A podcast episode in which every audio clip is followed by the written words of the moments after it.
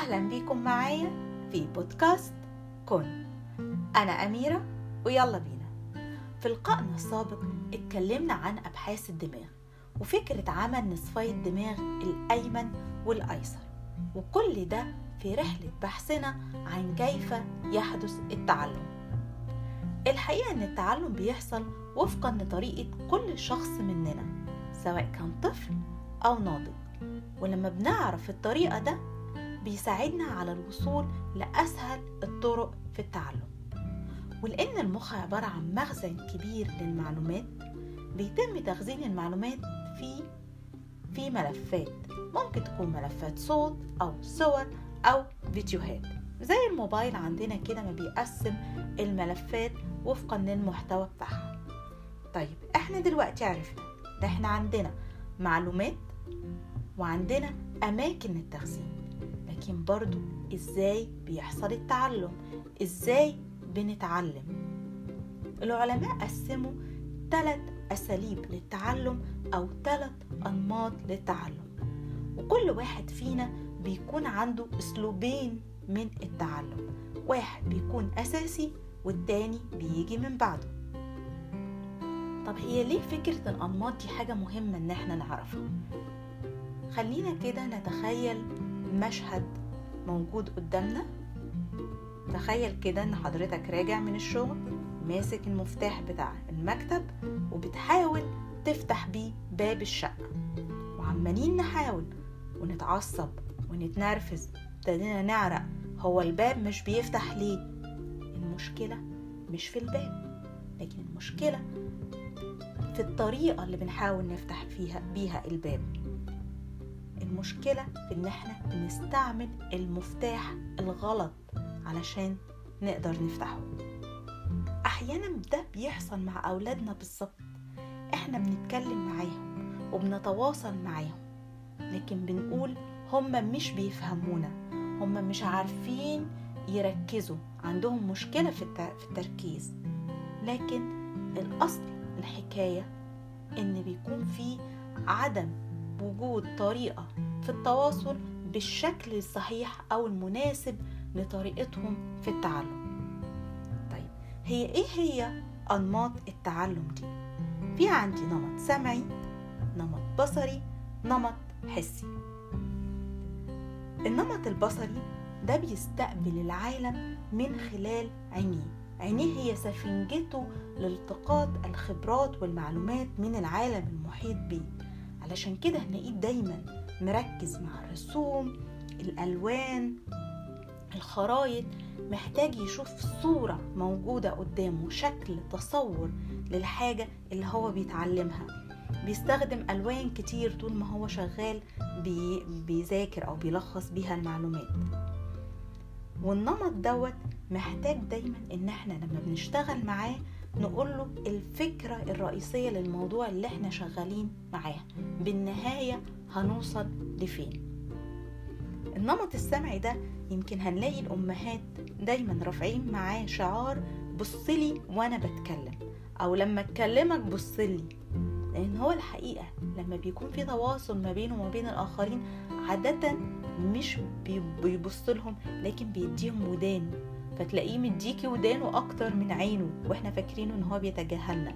لكن لما هنيجي نسأله على حاجة قلناها في الكلام هنلاقيه هو بالفعل بيجاوب معانا عليها. طيب النمط ده كمان هو ده اللي هنلاقيه في وسط القعدات كده عامل زي الرادار. في وسط قعدة العيلة بيسمع مرك لقط. حد بيتكلم في التليفون قال كلمة حد مشغل التلفزيون بص على الفيلم مش عارفة فيه إيه. حد بيكلم حد جنبه هتلاقيه إن الحوارات الكتيرة اللي بتحصل حواليه بتشتته لأن هو عايز يلقط من هنا ويلقط من هنا.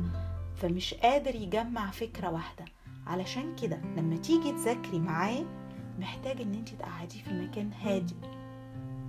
علشان يقدر ياخد منك المعلومة بشكل مناسب.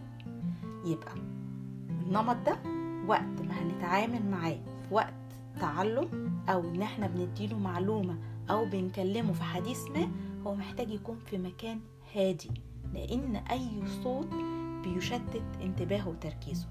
في حين النمط البصري هو مش فارق معاه قعديه في مولد بس هو شايف الحاجة اللي هو بيعملها أو بيذاكرها أو بيشتغل عليها خلاص هو كده مركز تمام الدنيا معاه مظبوطة. النمط الحسي ده بقى بيحب يعيش الخبرة اللي بيتعلمها. محتاج إن هو يلمس يدوق يشم التعلم. طيب هو بيتعلم إزاي؟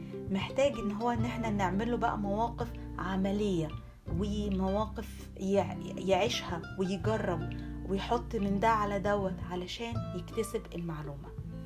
طيب دوري أنا كأم أو أي شخص بيتعامل مع الأطفال إزاي أوصل لهم المعلومة؟ محتاجة إن أنا دايما لما بأدي أي خبرة أو أي تعلم إني أشتغل على الثلاث أنماط من أنماط التعلم لحد ما أقدر أحدد بالظبط هو الطفل دوت إيه هو نمطه الأساسي والنمط التاني ليه.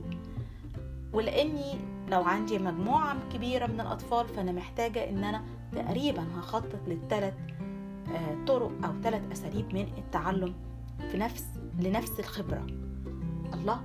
يعني أنا محتاجة إن أنا أحط ثلاث خطط مختلفة علشان ألبي احتياجات الأطفال؟ الحقيقة لأ. لأنك ممكن تعملي موقف بيعلم فيه الأولاد من خلال الثلاث أساليب. خلينا نقول وانت واقفة مع الولاد في المطبخ كأم أو بمربي بتتعاملوا مع الأولاد وبتعملوا وجبة في القاعة بتاعتكم. هنعمل كيكة. إحنا النهاردة عندنا كيك عندنا دقيق بيض لبن فانيليا baking powder زيت ومضرب الكيك. هنعمل إيه؟ هنحط البيض هنكسره هنعد البيض واحد اتنين تلاتة هنضرب البيض كويس. بعد كده هنحط اللبن أو البرتقان أو اي اضافات عندنا. في الآخر هنضيف الكيكة وهنبتدي نضرب. الله البيض في الأول كان عامل زي الفوم. بعد كده لما حطينا بقية الحاجات التانية شكله اتغير لونه اتغير الملمس بتاع المكونات بقى غريب شوية عن ما كان في الأول. الكيكة بعد الدقيق بقت تقيلة مش خفيفة. الله طب تعالوا ندوقها كده. نبتدي ندوق. كل دوت إحنا بنشتغل مع الولاد بالثلاث أنماط. حطينا الكيكة في الفرن. الكيكة بعد ما كانت ليها شكل سائل ابتدت تتجمد يعني تبقى شيء متماسك ابتدت تتنفخ الشكل واللون بتاعها اتغير الريحة نفسها بقى ليها ريحة مالية المكان اللي إحنا موجودين فيه. النشاط دوت غطالي الثلاث أنماط من التعلم. البصري هو شاف الخطوات شاف الألوان والحاجات اللي إحنا بنستخدمها باختلاف المكونات كلها مارس الخبرة بنفسه. السمعي سمع المكونات والطريقة والخطوات. واحد اتنين تلاتة. ابتدى يجهز الكيك. الحسي عاش الخبرة بكل حواسه. شم تذوق لمس وابتدى يكون الفكرة اللي موجودة عندهم. في النهاية هقول لهم اعملوا لي قصة حياة كيكة أو رحلة الرحلة من بيضة لكيكة. إزاي تحولت البيضة فرفورة للكيكة البرتقال؟ هكذا ممكن أنوع أنا هنا بنشاط واحد أو بطريقة واحدة غطيت الثلاث أنماط من التعلم. ممكن حاجة تانية. لو أنا بدي الولاد خبرة عن الديناصورات طب أنا مش هقدر أجيب الديناصورات دي هجيبها منين؟ دي انقرضت ومش معقول هجيب لهم ديناصورات. هنعمل إيه في حالة زي كده؟ هجيب مجسمات عن الديناصورات التم... الألعاب اللي هي على شكل ديناصور. هجيب فيلم تسجيلي بيتكلم عن الديناصور. هجيب في أفلام كرتون عن الديناصورات وفي أفلام عاملاها ديزني عن الديناصورات. أفلام تعتبر يعني زي 3 دي أو مجسمة عن الديناصورات. يشوفوا منها أجزاء ومقتطفات ويبتدوا يسمعوها وبالفعل هي مدبلجة. في حاجات كتيرة ممكن أوفرها من خلال كده. أنا خلقت لهم وفرت لهم الخبرة المباشرة. مسكوا الديناصورات المجسمات بتاعت الديناصورات. قلنا معلومات وقرينا من الكتب والموسوعات ومصادر التعلم عندنا معلومات عن الديناصورات. آه شفنا الأفلام اللي مليانة ألوان وصور وحركة. ابتدينا كده غطينا الثلاث أنماط من التعلم. بقت الحقيقة مش المشكلة في الخبرة اللي موجودة اللي بقدمها للأطفال. هي بقت الأصل في إن أنا إزاي أنا نفسي ببص للخبرة اللي بقدمها للولاد. وقت ما بقدم لهم المعلومة أنا محتاجة أحلل الطريقة أو النمط اللي موجود فيها وبالتالي هقدر أعرف إذا كانت تناسب أولادي ولا لأ أو بقدمها بالطريقة الصحيحة ولا لأ. خليني أرجعكم للجملة دايما اللي بنكررها كل ما التعلم كان محفز. ومدعم ومشجع وبيشغل أكبر كم من الحواس كل ما كانت الروابط العصبية بين الخلايا العصبية خلايا التفكير أقوى كل ما التعلم كان دائم وثابت ومستمر وبالتالي هيبني على بعضه. حابة أختم النهاردة لقائنا بمقولة بتقول الجميع عباقرة لكن إن حكمت على قدرة سمكة بتسلق الشجرة ستعيش حياتها كلها وهي تؤمن أنها غبية. دمتم في رعاية الله وإلى اللقاء.